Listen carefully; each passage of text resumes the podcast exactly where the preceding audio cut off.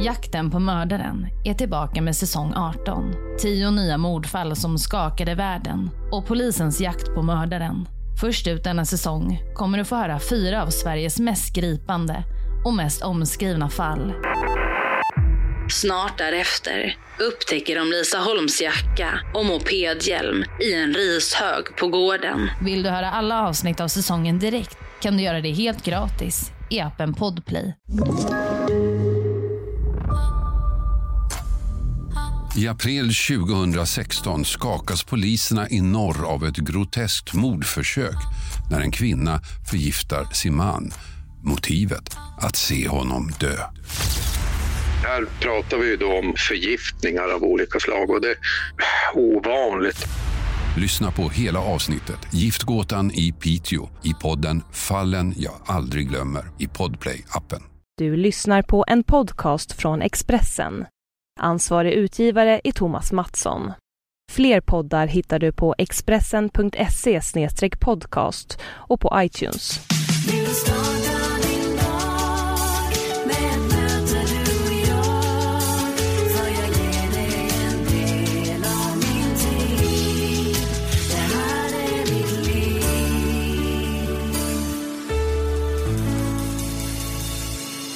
Välkommen till avsnitt 124 av den här podcasten. Den heter Livshjulet och handlar om att jag, Anna Hegerstrand, träffar kända gäster för att prata om livet.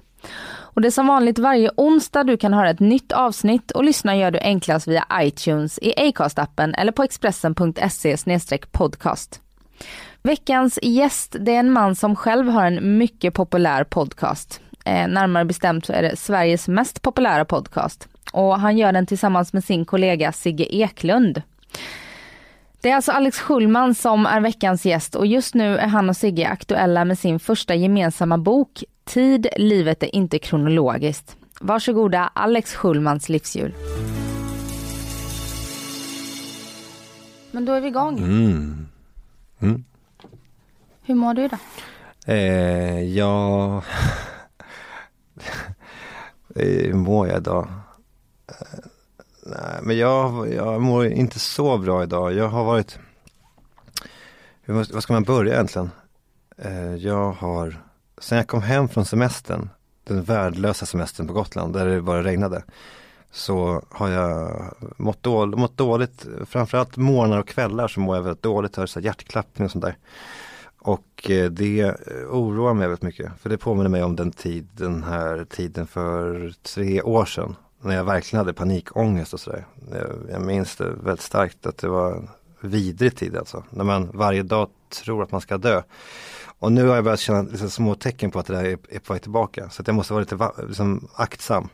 Sen är jag också utmattad, rent liksom, fysiskt nästan, av att jag har suttit i en studio från 8 i morse till 13 och läst eh, in min bok som ska bli, alltså min och Sigge, Sigges bok som ska bli ljudbok.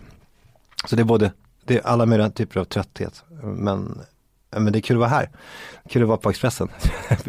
det är så mytiskt när man går, går de här lokalerna. Man spejar efter de här legenderna. Eh, är, är Mattsson nära? Kan man se honom vandra förbi här? Thomas ja, Mattsson? han kan komma och gå förbi. Ja, då måste vi, vi kan. Vi kan gå förbi honom någonstans. Ja, men det måste vi göra. Bra. Du kände ju ändå flera här. Mm. Var på vägen till vi hämtade kaffe och hit så var det, det var Otroligt. Det var hej och tjenare med Linda Marie i och eh, Lars Johansson, eh, Expressens, eh, vad är han nu på Nöjet? Nej, nöjeschef. nöjeschef, mm. men gud. Och sen var det någon mer? Nej, men det var det. Men det var ändå, jag kände så att det var så här, oj, här är vi. Vi, men vi är ju samma liksom, lag på något sätt numera. Vi kvällstidningsjournalister måste ju hålla ihop på något sätt. Mot Google. Men ändå så sa du att det känns så starkt att det är konkurrenten där. Ja, ja verkligen. Nej, men det var ändå otroligt spännande att eh, känna direkt att man, var, att man är på fi, i fiendeland en, en aning. Eh, alltså mm, eftersom jag är uppvuxen, eh, nej det är så här, jag är uppvuxen med Expressen. Men sen så eh, när jag började blogga 2007 så gick jag till Aftonbladet och där, sen har jag varit trogen dem länge. Och det berodde nog på att jag hade den här bloggen där som vi var ja men den var ju väldigt utmanande och eh, Jan Elin framförallt, liksom tog den i försvar på ett sätt som gjorde att jag fick, eh, jag, jag, kände det som en väldigt stark lojalitet mot honom. Eh, och eh, så jag har liksom jobbat på Aftonbladet snart i tio år och då är man ju liksom, då är ju Expressen huvudfienden så att säga. Alltså inte så att jag hatar Expressen, men det finns en konkurrens som jag tycker är fantastisk. Som jag är rädd för att den går lite förlorad nu när vi alla blir en, en online-gegga. Alltså jag minns ju hur starkt det var när Aftonbladet gick om Expressen och sådär i upplaga. Och de här liksom, ja men jag är verkligen en kvällstidningsromantiker. Eh, som, ja som är uppvuxen med Aftonbladet och Expressen och läst den varje dag sedan jag var typ tio år gammal. Så jag är verkligen förtjust i att, eh, ja men i den här fighten mellan kvällsblaskorna. Och du kommer ju precis som jag från skvallertidningarna. Mm. Du började på Se och Hör. Ja. Jag började på Hänt Extra. Mm. Eh, men vi har lite skilda åsikter där för du eh, har ju sagt att du tyckte att de första åren i din karriär var meningslösa, att du kan känna sorg över det. Ja men det är inte riktigt sant. Däremot jag kan, jag kan känna sorg över att, jag, att det gjorde att jag hamnade i en kändisrefererande bana. Och det kan jag avsky. Ehm, därför att eh, Nej men därför att jag är fortfarande fast i den på något sätt. Ju, att jag hela tiden pratar om kändisar och jag är med i radion så ska jag skvallra och sådär. Det kan ibland kännas lite ovärdigt kan jag tycka. Alltså att man kan nog göra det ett tag men när man har gjort det i 15 år kanske man borde tänka på att göra någonting annat. Eh, som ju du nu gör, gör, just nu till exempel. Alltså att man måste någonstans göra nya saker. Jag, har varit fast, jag blev fast i det för länge och därför var det en förbannelse. Men rent journalistiskt så har jag alltid tyckt att Se och Hör var en ganska bra skola eftersom, eh, eftersom ju när man ringer från Dagens Nyheter, hej jag är reporter på Dagens Nyheter, då svarar alla. Men när man ringde från Se och Hör, då svarade ingen. Så är det någonstans som man blir en bra reporter så är det ju där, för där har man ju så mycket uppförsbacke ju. Alltså ingen vill ha mer att göra, ändå måste man då utföra samma journalistiska arbete som man, som man gör på andra platser. Så det var, en bra, det var en bra skola och jag hade ju också Johan T Lindvall var ju där, den här stora, den, den stora eh, liksom nyhetsreporterrummet. Eh, det var ju sju reportrar. Det var jag, så var det då Sten Hedman, här, legendaren, och så var det Johan T Lindvall som ju eh, numera är på Expressen. Och så var det Daniel Nylén, du vet, eh, mm. Eh, som sen blev Aftonbladets största, största reporter. Och så var det Daniel Berglund som sen blev Expressen, också Expressen-chef. Så nu är han inte kvar längre tror jag. Men det var liksom, det var, och så var det Jesper Lögdahl som sen hamnade i tv. Men det var liksom en, en härlig plantskola för ett gäng nötter. Typ. Men det var kul alltså. Har du kontakt och umgås med dem fortfarande? Ingen, alltså, men vi är inte ovänner eller så, men vi, det är inte så att vi hörs, nej. Eh, men sen så eh, började du skriva för Aftonbladet och hade din blogg och gjorde Schulman show och, och allt sånt där. Mm. Eh, och du och Sigge, när fann ni varandra? Vi träffades på en middag 2007 eh, på PA Company. Han skulle intervjua mig.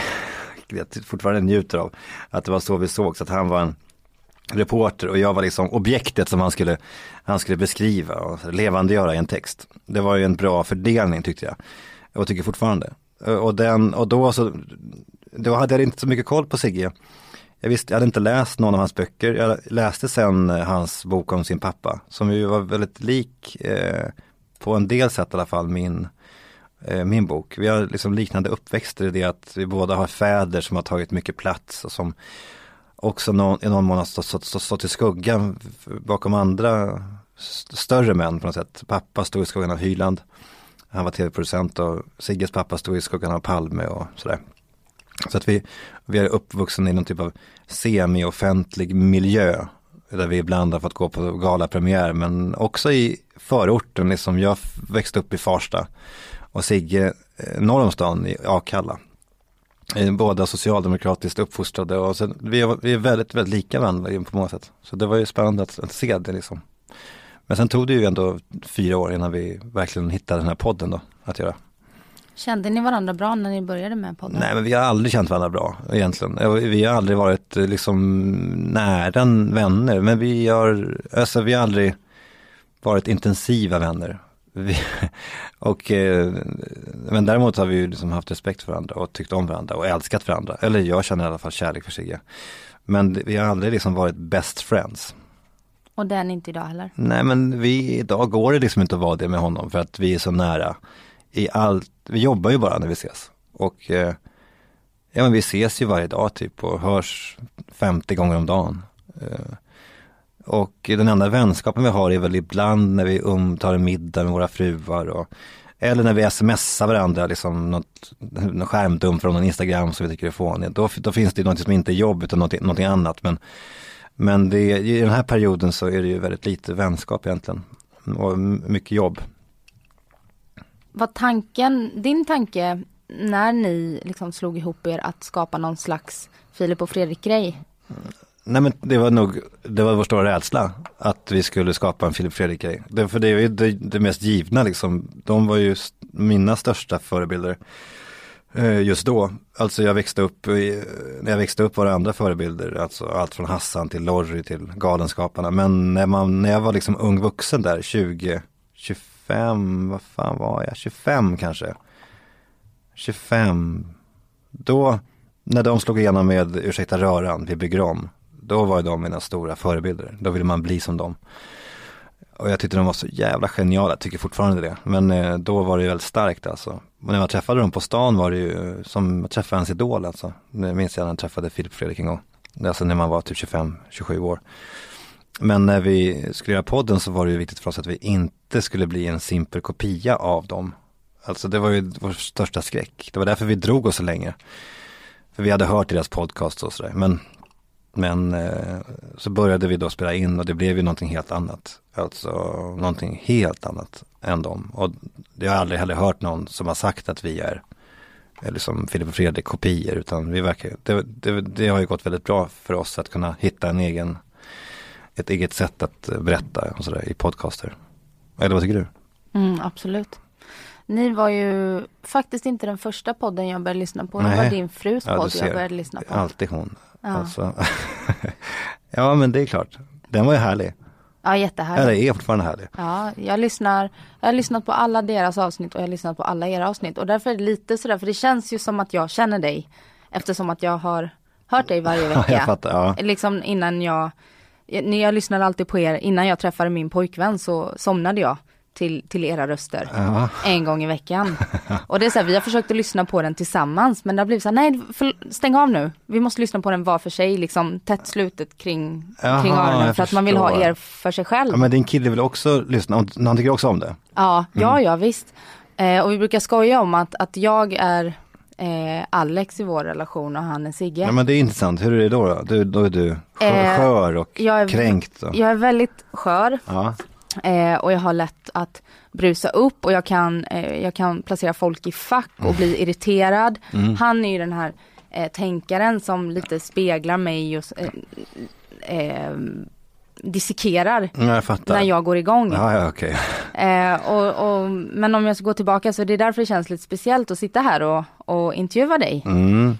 Och så här, aha, vad ska man fråga nu som man verkligen vill veta. Ja men som man, inte, som man också inte har sagt eh, en gång redan. Därför att man har ju sagt så mycket redan. Om mm. du har mm. hört det så blir det ju det är lätt att, bli, att det blir upprepande. Det är ju mardrömmen kan jag tycka när man hamnar på en middag bredvid någon som har hört alla ens avsnitt. För då kan man inte säga någonting. I en vanlig träff någon kan man ju Ja men när man pratar om någonting så bara, jo men det påminner mig om när jag, fast det kan jag inte göra då för då vet jag att det där har han berättat i avsnitt 67. Så det kan jag, inte, jag kan inte återupprepa saker som jag redan har sagt, vilket är jävligt jobbigt då. Nej men det som jag fascineras av det är att du är så naken mm. och att du vågar vara så naken. Mm. Jag har alltid varit väldigt ängslig och orolig att folk ska tycka om mig och sådär. Att, att skriva det du skrev i din blogg eller eh, uttrycka dig så som du gör i dina krönikor. Eh, det skulle vara helt otänkbart för mig för jag blir så jävla rädd och ledsen när det blåser och när jag får elaka kommentarer. Mm. Eh, skulle jag ha en Flashback-tråd som din så skulle jag inte våga gå utanför dörren. Eh, men ändå så vågar du klä av dig och vara så otroligt naken i podden. Mm. Var kommer det modet ifrån? Nej men jag tror att det tyvärr är strategi. Alltså, alltså det, det är inte så att jag, alltså det, det jag bara förstått, det är en överlevnads en överlevnadsgrej. liksom, grej. När jag är i miljöer där jag inte känner mig hemma. Till exempel i överklassen, Amanda umgås mycket med överklassmänniskor. Då märker jag att jag ofta eh, förintar mig själv. berättar om vilken idiot jag är eller så. För att det gör att eh, de sänker garden. Eller jag blir liksom, jag, jag blir någon genom att berätta att jag inte är någon på något sätt. Så att det är väldigt, tyvärr så är det där nog ingenting annat än ett enkelt knep för att bli omtyckt. Så det är ju ganska sorgligt egentligen, alltså om man ska tänka efter. Att jag berättar om hur värdelös jag känner mig för att bli omtyckt. Det är ungefär som när, när någon tjej i Charlies klass som, som säger min klänning är jätteful för att hon vill att hennes kompisar ska säga nej den är jättefin. Det är väl egentligen samma sak fast lite mer avancerat och jag har blivit skickligare på att eh, liksom maskera de där sakerna men i grund och botten är det ju bara en liten pojke som säger att mina jeans är skitfula och sen så väntar jag på en reaktion. Så, nej, eh, och då kommer också då de här reaktionerna. Du säger att, du, hur vågar du vara så naken? Ja men jag ger det för att jag vill ju bli omtyckt bara. Tyvärr. Eller tyvärr, det är så det är bara. Men det finns ju någonting i det där att jag delar med mig så mycket av mig själv som ju är en skada tror jag. Som jag egentligen borde ta tag i. Jag, eh, jag tror att det är en sjukdom alltså. Och jag tror att det är inte bra för mig att eh, berätta så mycket om mig själv egentligen. Och jag tror att om jag en gång blir mer stabil eller lyckligare eller mer grundad eller tryggare, då kommer jag inte att göra det längre. Det, eh, jag tror inte att, jag, att man mår bra av det egentligen. Men däremot tror jag att folk kan tycka om det därför att de känner igen sig. Min uselhet är också andras uselhet och det är det som jag bygger hela min verksamhet på egentligen. Att jag hittar saker i mig själv som andra känner igen. Det är ju det jag gör. Det är det jag håller på med egentligen. I allt jag gör. Även om, alltså, i böcker eller om det är en radio eller poddar eller sådär. Krönikor. Du har blivit en, en personlighet idag, en, en stor mediaprofil. Eh, har, det blivit, har det gjort det sämre eller bättre? Nej, jag tror inte att det hjälper mig. Även om det är som en, det är som en konstgjord andning. Men det är ju som en bekräftelse att ju mer man får desto mer vill man ha ju. Alltså det där hålet i bröstet som Sigge ofta pratar om är ju omättligt då. Man vill ju bara ha mer och mer. Så jag tror att på, lång, på lång sikt så är det här beteendet, liksom, den här offentligheten är inte någonting som gör mig till en bättre person. Däremot så håller det mig över ytan då på ett sätt. Som är, alltså det är som en konstgjord andning tills det är att jag kan andas själv på något sätt. Det blir ganska dystert alltså, alltså märka men jag är alltid mer övertygad om att det är så faktiskt. Har du försökt att eh, ta tag i det på något sätt? Eh, jobba med dig själv? Ja, jag jobbar ju väldigt mycket med mig själv och Nej men jag är väldigt, väldigt bekymrad alltså. över, över de här sakerna i mitt liv. Alltså i, ja men hur jag håller på. Jag tänker mycket på, ja men som när jag kom hem från semestern nu så, så är jag nästan besatt av mitt mobilbeteende. Jag är, är väldigt, väldigt eh, oroad alltså för att jag inte kan vara utan telefonen. Och det blir, blir jag så äcklad av så att jag, jag tänker alltså nästan pan, paniskt alltså. Eh, hysteria, alltså jag, jag, jag, måste hitta en lösning på det här. Jag måste bli av med det här beroendet. Och det, där tänk, jag har tänkt på det här varje dag, alltså hela tiden egentligen. Sen jag kom hem i början, början på augusti. Så någonting måste hända med det här för att det är ett exempel på att jag inte är, inte är fas liksom. Jag kan inte ligga och ska jag ska, jag ska lägga någon dotter och så, så ha med mig telefonen och kolla Twitter. Det är liksom ovärdigt. Det är inte schysst mot henne och inte mot mig heller. Går du och träffa någon idag? Ta hjälp utifrån? Ja, men jag, det, här är det enda som jag inte kan gå in på därför att jag har gjort ett löfte till, eh, till människor omkring mig att inte, att inte göra om det här misstaget att prata om liksom det, just det. Eh, i offentligheten, det låter ju så här, trams, men, eller det är ju trams för alla andra utom för just mig. men eh, så att jag ska, jag, jag, det, det är nog det enda som jag inte riktigt kan eller vill gå in på. Om det är okej. Okay. Det är verkligen okej. Okay. Hur känner du inför, för du har två döttrar. Mm. Eh, Frances och Charlie. Ja. Och hur gamla är de? de är sex och tre. Sex och tre. Mm. Hur tänker du eh, med dina egna eh, issues att föra över det på dem? Det tänker jag på väldigt mycket. Eh, det skriver jag också mycket om i den här boken med Sigge. Att det är någonting som Det är ett kapitel som, är, som handlar om ekon, som man, alltså ekot från barndomen och Eh, att jag tror att jag också varit inne på det i podden någon gång att det finns ju beteenden som man inte kan hjälpa liksom som kommer från mina föräldrar som jag nu kommer att dela med mig till mina barn. Det är, vilket, det är, vilket är rätt läs, hemskt om man, om man tänker efter. Det finns ju enkla saker att liksom, tänka på. Att, till exempel, jag är flygrädd. Jag vill inte att mina barn ska bli flygrädda. Så när jag flyger med mina barn så, det, så ska jag inte hålla på och visa mig rädd. Det är ju enkelt, det är bara, det är bara att göra det. Men det finns, ju in, det finns ju andra beteenden som är mycket mer svåra att upptäcka och som är en del av ens DNA på något sätt som man inte bara kan bli av med, man kan inte bara bestämma sig. Eh, och det, eh, ett sådant exempel är ju en, eh, höga ljud. När, när man hade ner någonting i golvet när jag var barn så skrek ju pappa och blev galen och jag var så rädd för höga ljud. För att jag visste att nu blir pappa arg. Och eh, det här har gjort att jag idag, eh, när mina, mina barn har ner någonting på golvet, då skriker jag som pappa. Fast inte i eh, raseri som pappa utan i rädsla för pappas raseri, förstår du? Mm. Och eh, det kommer att göra att de kommer få en skräck för höga ljud. Så att om 30 år så, så är de där i köket med sina barn. Och då kommer de att reagera på höga ljud i skräck för sin pappas skräck för sin pappas vrede. Alltså förstår du? Det är jävla sjuka grejer alltså. Och din pappa hade väl kanske från sin pappa då? Säkert så hade han, så han var ju inte en ond person. Han hade fått det där från sin pappa ja. Så att det är liksom, vi är bara, vi är bara marionetter på något sätt. Det är ju ett gäng uppe i himlen som, som bestämmer hur vi ska bete oss kan jag ibland, kan jag ibland känna. Och att vi inte kan göra så mycket åt det. Men man får ju kämpa på liksom. Och som sagt, att vara medveten om det här är ju ändå ett, ett, ett steg i, i rätt riktning. Jag, jag, ser mig ju som en arkitekt till mina barns barndom och vill att de ska, alltså jag vill äga, ska forma den så mycket som det går. Men det är ju hopplöst Men, men det är så jag ser lite grann att jag vill, jag vill inte ge dem ett mörker som de bär med sig i sitt liv. Jag vill minimera skadan. Liksom. Hur är du annars som pappa, tror du?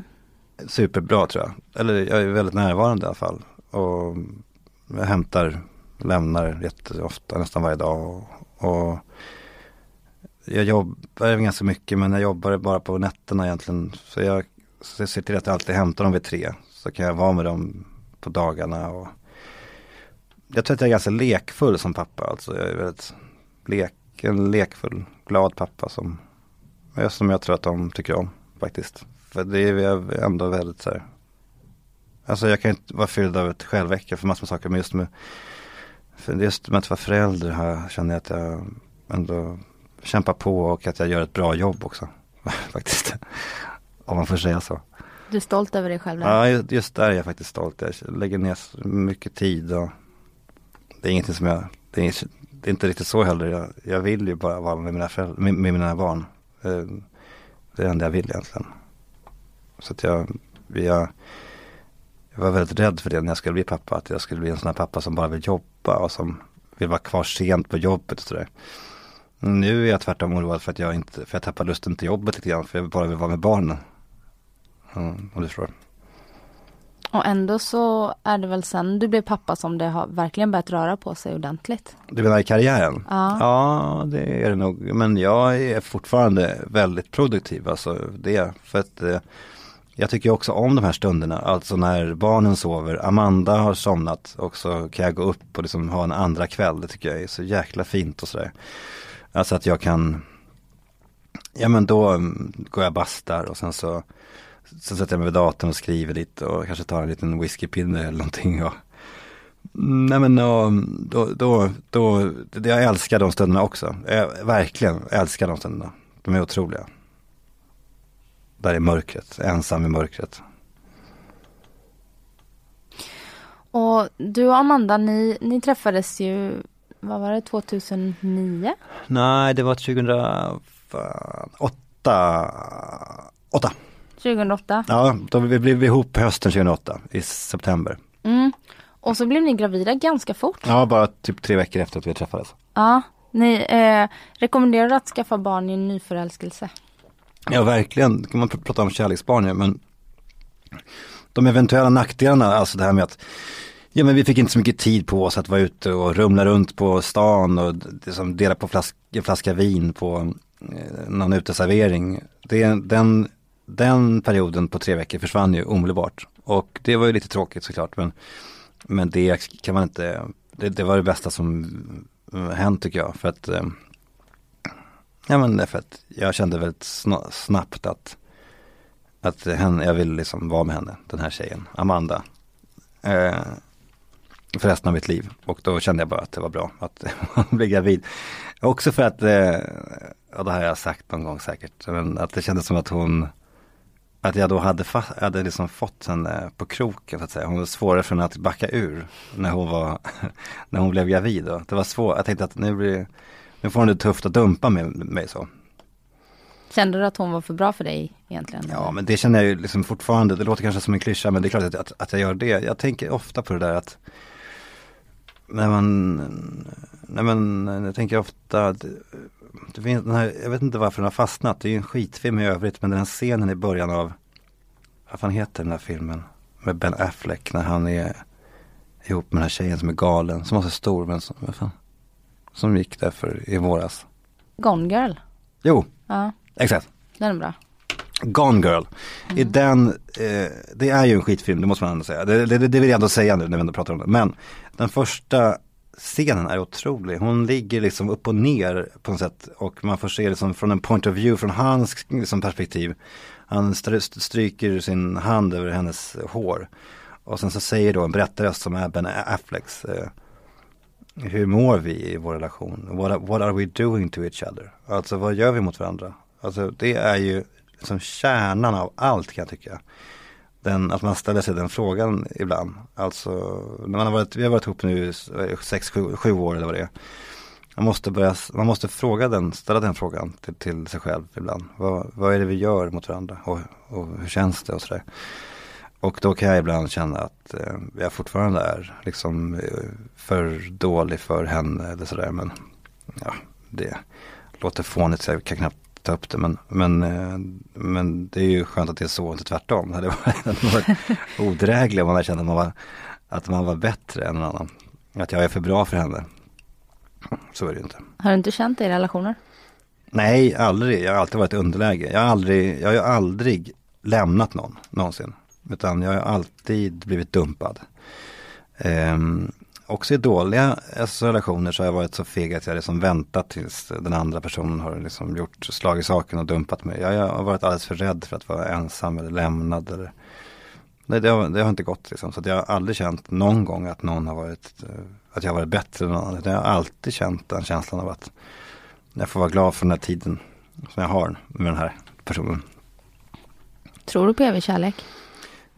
Ja, jag tror det med Amanda gör jag verkligen det. Alltså jag vet ju att jag kommer ju aldrig hitta någon som är bättre eller bättre än Amanda. Alltså jag, alltså, sen hoppas jag bara på att hon inte blir trött på mig eller sådär. Men, men man, om man kämpar lite grann. Alltså jag tror inte att man, allt, att man bara kan dansa fram i livet. Um, jag tror att man måste kämpa hårt alltså. Också när barnen kommer och sådär. Det, det är ju prövningar, alltså, det måste man säga. Men också om man ska göra karriär och under de senaste åren så har Amanda också gjort en karriär och hon, har, hon jobbar hårt. Och det är som när två personer liksom gör den typen av karriär som också är offentlig, vilket ju skapar en extra på något sätt eh, press eller någonting. Det är ju vidrigt att vara offentlig många gånger. Um, då, då så är det liksom anspänning på relationen och det måste man kämpa liksom med en aning. Man kan inte bara tro att det ska lösa sig. Men, men jag menar, jag tror att eh, det finns exempel på livslång, livslång kärlek, massor med exempel. Och, eh, eh, så att det, det, det är klart att det existerar, det kan ju ingen säga någonting om. De är dumma i huvudet. Det finns ju massor med, med människor som träffas när de är 18 och älskar varandra livet ut. Men man måste kämpa också. Är ni bra på att kommunicera?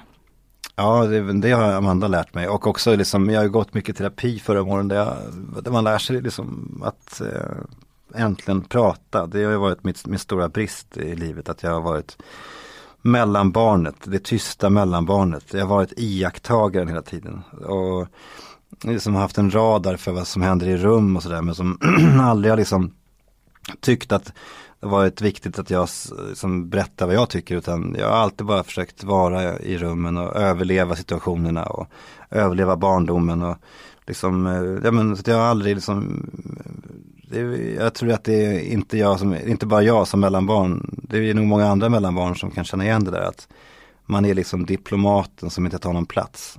Och, eh, och därför så blir kommunicerandet, det blir, man känner sig inte viktig nog för att kunna höja, för att kunna liksom prata utan man är bara tyst och iakttar.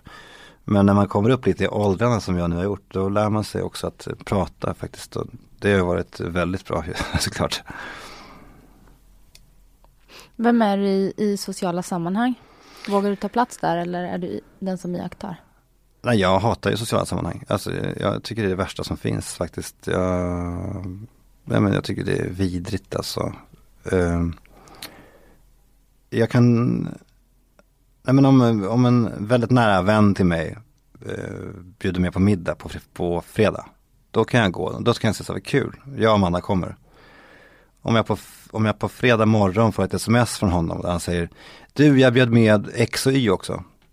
Uh, då ställer jag in.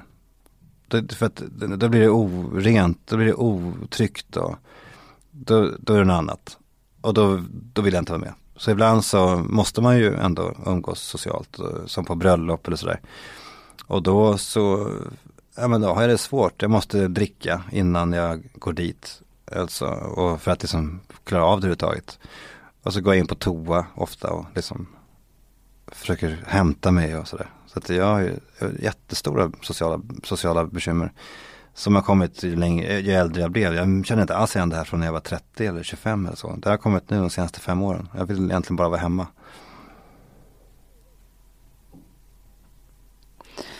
Varför tror du de har kommit då? Jag vet, alltså, ja, men det där är ju någonting som jag inte riktigt har fått grepp på ännu. Det är lite för nytt för mig. Jag, jag, det finns saker med mig som jag har tänkt jättemycket på, som jag har idéer kring. Men det här är, jag vet inte fan alltså. Jag, eh, det, nej men, det är väl, jag kan tänka mig att det handlar om en osäkerhet i grunden hos mig. Alltså att jag känner att jag vill bli omtyckt och eh, när jag hamnar i, liksom, i grupper där jag känner mig otrygg så så blir jag rädd för att de inte ska tycka om mig och då känner jag mig utanför. När jag känner mig utanför så blir jag kränkt och när jag är kränkt så blir jag liksom ja, olycklig och då vill jag bara hem. Det är väl någon typ av ond spiral men det här är ju verkligen alltså hobbypsykologi just nu för jag har inte liksom lyckats knäcka den här koden med mig själv ännu. Hur påverkar det här, för Amanda nu har inte jag träffat henne så många gånger men jag som sagt känner henne genom podden lite. Hon känns som en väldigt social person. Mm. Påverkar det er någonting? Att du... ja, lite grann gör det det. Alltså Ja, men det är intressant, när vi träffades då ville jag, älskade jag att gå på kändisfester minns jag. Och eh, Amanda var den skygga då som inte ville vara med på det där. Försökte få med henne till så här, Bindefält-fester men hon vägrade. Men sen så kom det ju, sen typ för fem år sedan eller, eller när det var så tappade jag ju helt lusten och jag, inte, jag går inte på något sånt där överhuvudtaget egentligen längre. Eh, och eh, eh, det enda bekymret kan jag tycka är väl när vi ses med Amandas vänner att jag blir lite sådär, ja men jag är ju inte världens roligaste kille då, alltså i de där miljöerna. Men samtidigt så kämpar jag ju på. Alltså det är inte så att jag är en eremit. Alltså om Amanda vill äta middag med sin bästa, sin bästa tjejkompis. Då gör, då gör vi det. Alltså det är inte så att jag vägrar. Utan att jag, jag deltar ju och jag kan ju spela, jag kan ju spela teater och sådär. Sen har Amanda lyckligtvis sin, en bästa vän som, som heter Lina som jag verkligen tycker om på riktigt och som har en man som heter Petter som jag också älskar. Så att de kan jag verkligen umgås med utan minsta problem och sådär. Så det är, det är skönt att, att, det, att det finns i alla fall. Men det är klart att det, det kan vara jobbigt ibland för henne också tror jag. I övrigt. Eh, jag lyssnade på Kristoffer Triumfs intervju med dig mm. Eh, för ja, drygt tre år sedan mm. innan ni startade er podcast. Jaha, och gud, var det så jävla tidigt? Ja, det var jättelänge sedan. Eh, och då sa du att att du har en ständig oro för att jobben ska sina, att du lägger undan pengar och inte Mm. vågar lita på att, Mm. Att du kommer vara med Mm. framöver. Mm. Hur är det idag? Det är bättre. därför att, därför att eh, nej men jag har fått lite bättre självförtroende tror jag. Ehm, nej men det fanns en period också med podcasten när den började. När, då hade jag ju hållit på och så kom Sigge där och alla älskade Sigge så mycket och jag tänkte fan det var, det var kul för honom men samtidigt så var alla sa bara att ja men Sigge han är så smart och Alex det, det är först nu när man, det är först nu man förstår hur pantad han är. Alltså han är ju ingen alls och sådär. Och då, då, det var nog då, det var min, nog min lågpunkt den första halvåret med podden.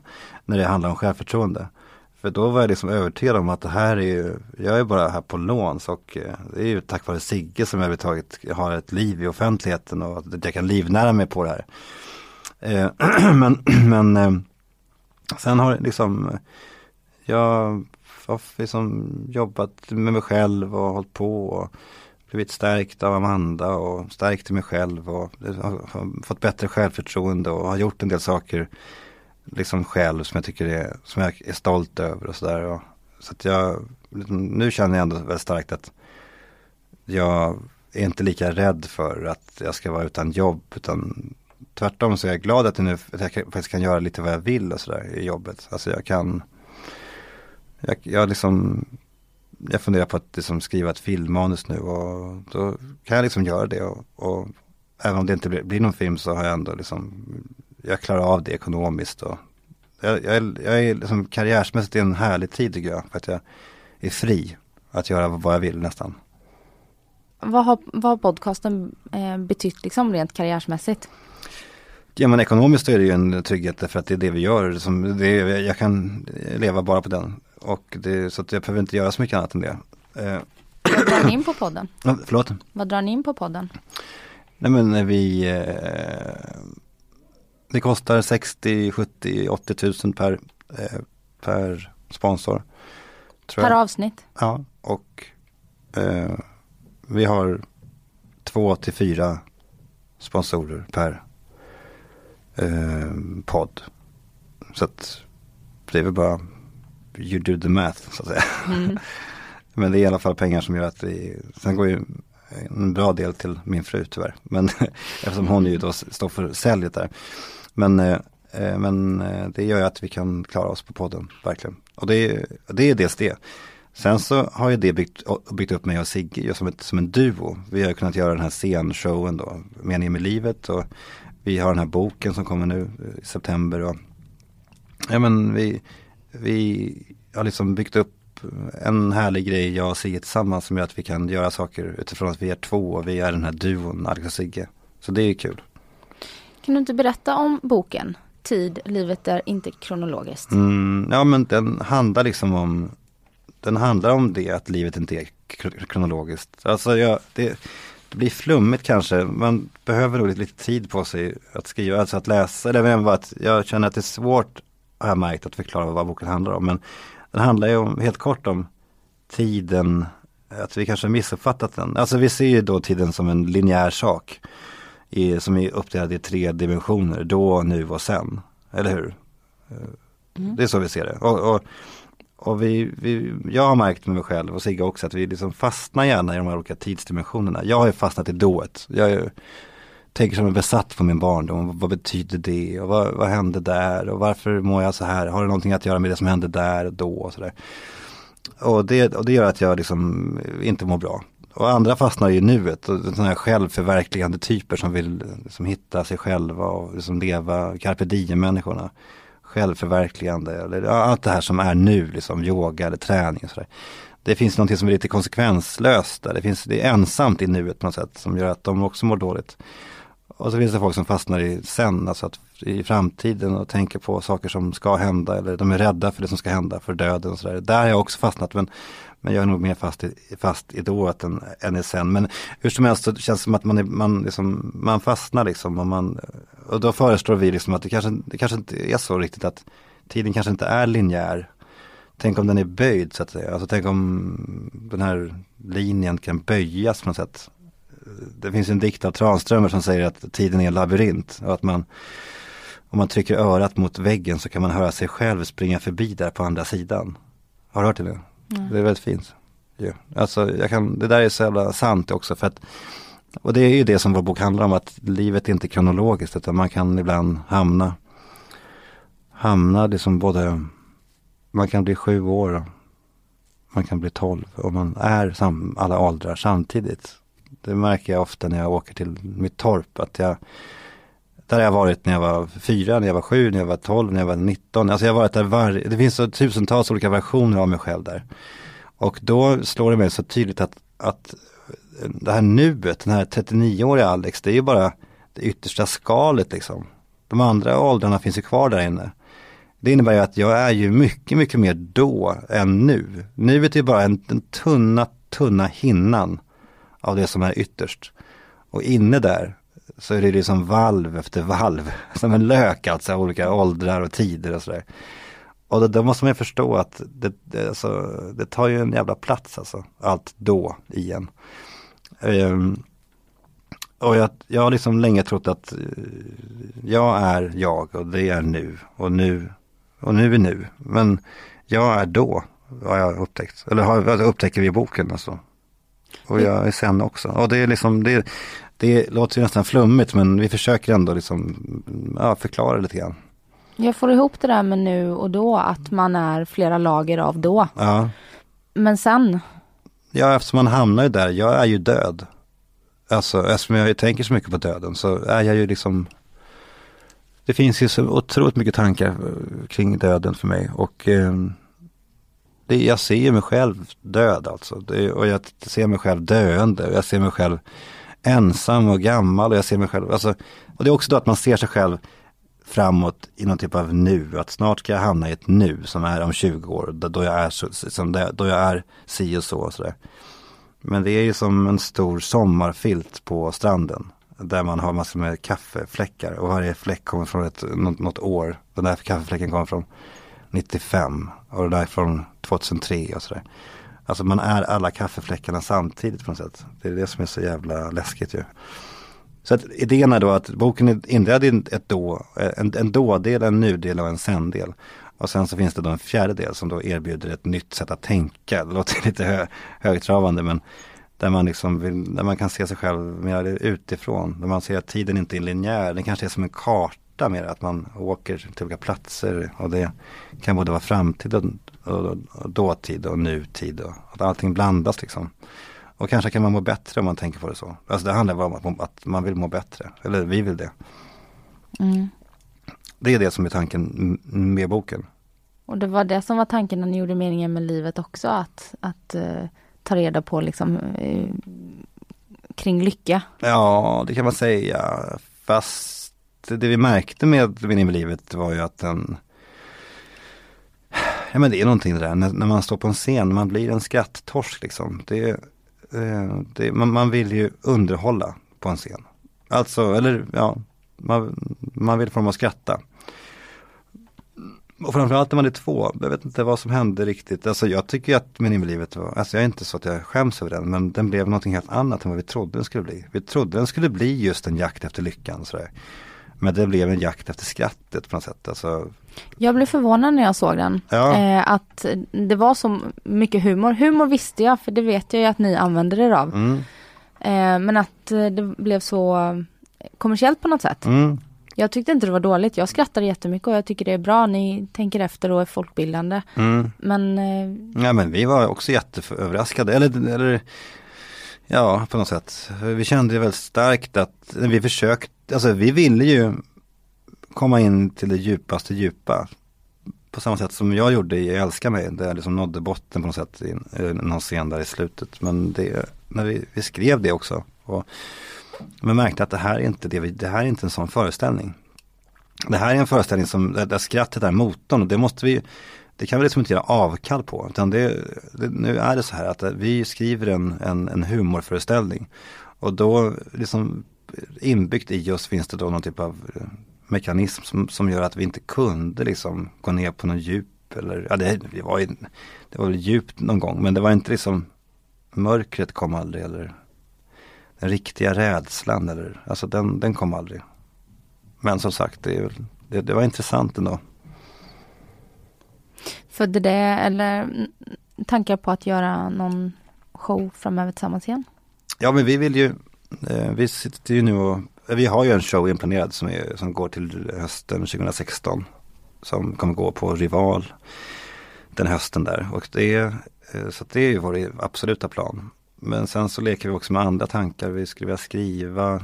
Vi, vi, vi är ju roade av att skriva. Vi vill ju skriva en musikal, jag och Sigge. Så att vi, vi jobbar nu lite med det. Eller vi ska jobba med det när boken är lanserad på något sätt. Då ska vi sätta oss ner och se vad vi kan göra med det. Men det, jag, det, det ska inte ha premiär förrän ja, 2000, våren 2018 tänkte vi. Så man jobbar ju långt framåt numera. Du har ju tidigare eh, sagt att du, du vill skriva romaner, att det är det du vill göra egentligen. Mm. Sitta på din kammare. Mm. Har du eh, reviderat din, din plan? Nej, men jag... Nej, men nu har jag skrivit en bok. Och då så känner man inte lika stor lust att skriva en bok till. Men, för då vill man göra något annat. Men eh, den här perioden, alltså när jag skrev, när vi skrev, för vi skrev ju, vi skriver ju vartannat, varannan text. Vi skriver ju inte tillsammans utan vi skriver ju personliga texter utifrån. Alltså att jag skriver mina texter och Sigge skriver sina, sen så svarar de mot varandra och sådär. Men, men de är ju, jag har ju skrivit ett par kapitel i något av det liksom det svåraste som jag skrivit, alltså emotionellt för mig själv alltså. Där, och då har jag också känt att fan vad jag lever alltså. Det, jag på något sätt, jag sitter där i mörkret på natten för mig själv och då blir jag så jävla tacksam ändå fastän det är jävligt jobbigt och sådär. Så att jag har ju verkligen haft en otrolig period med det här. Mm, men samtidigt så är ju det samma mekanismer som ju äger rum när man skriver manus till en podcast. Då sitter jag också där på natten.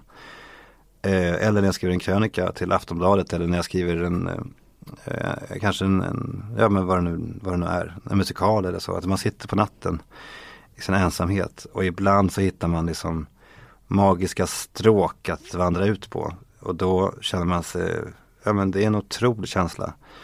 Och de har kommit oftare än någonsin förut för mig under just det här skrivandet. Alltså det är inte så att jag vill berätta för dig att det är en otrolig bok. Men jag känner att så här sant och svårt har det aldrig varit liksom för mig. Eh, och det är ju ändå, men det, då, känner man, då jag, känner jag mig väldigt glad ju.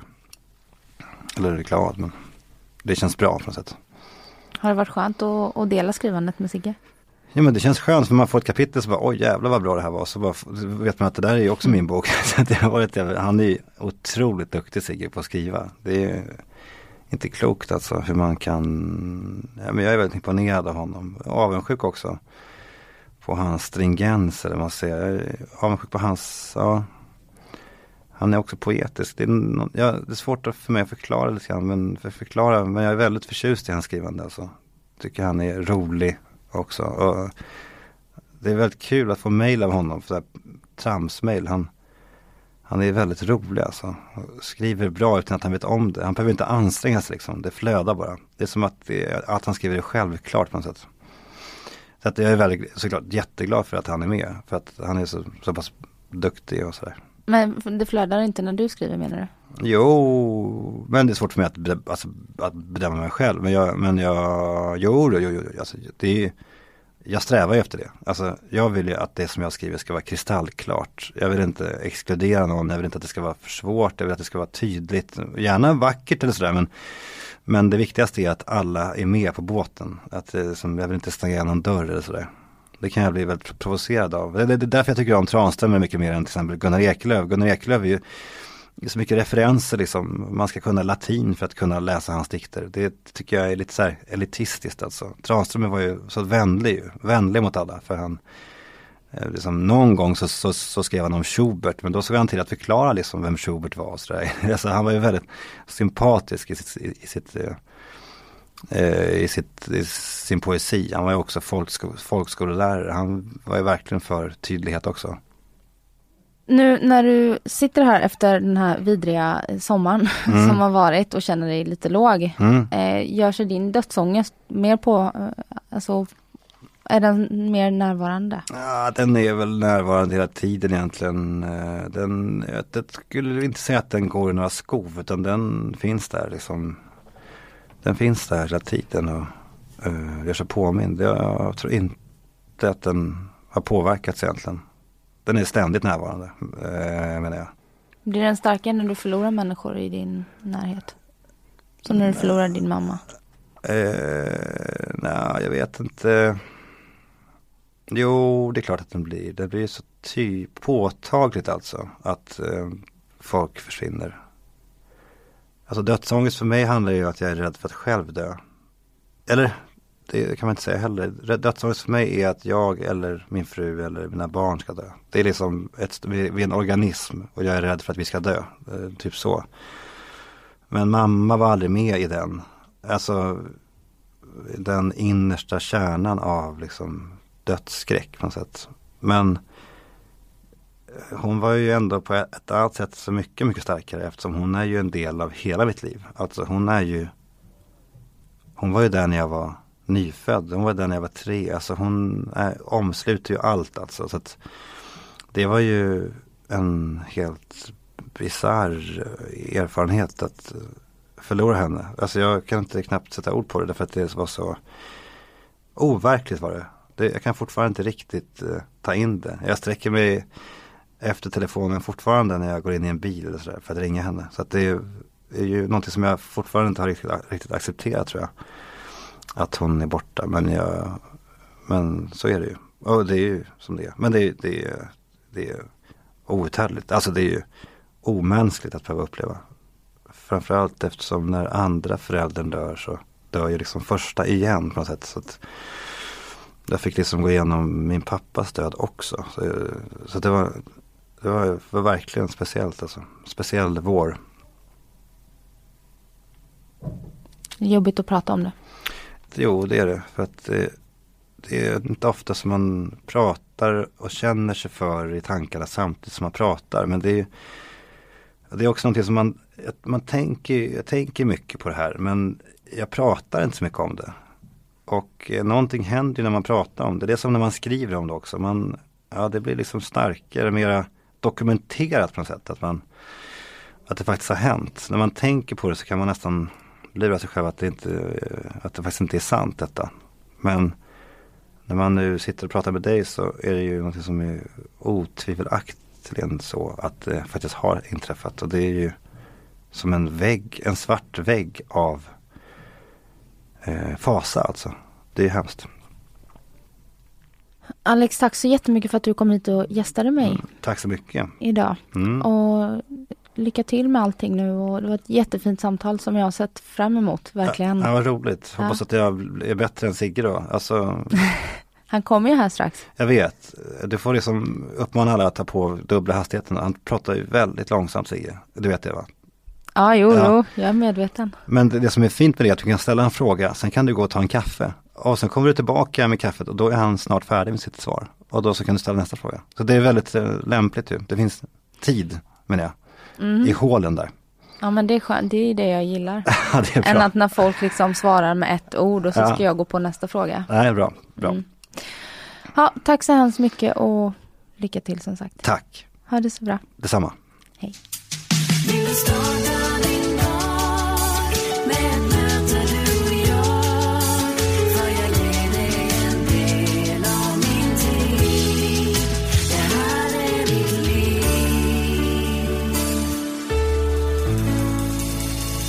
Du har lyssnat på en podcast från Expressen. Ansvarig utgivare är Thomas Mattsson. Fler poddar hittar du på expressen.se podcast och på iTunes. Nej. Dåliga vibrationer är att gå utan byxor till jobbet. Ah. Bra vibrationer är när du inser att mobilen är i bröstfickan. Få bra vibrationer med Vimla. Mobiloperatören med Sveriges nöjdaste kunder enligt SKI.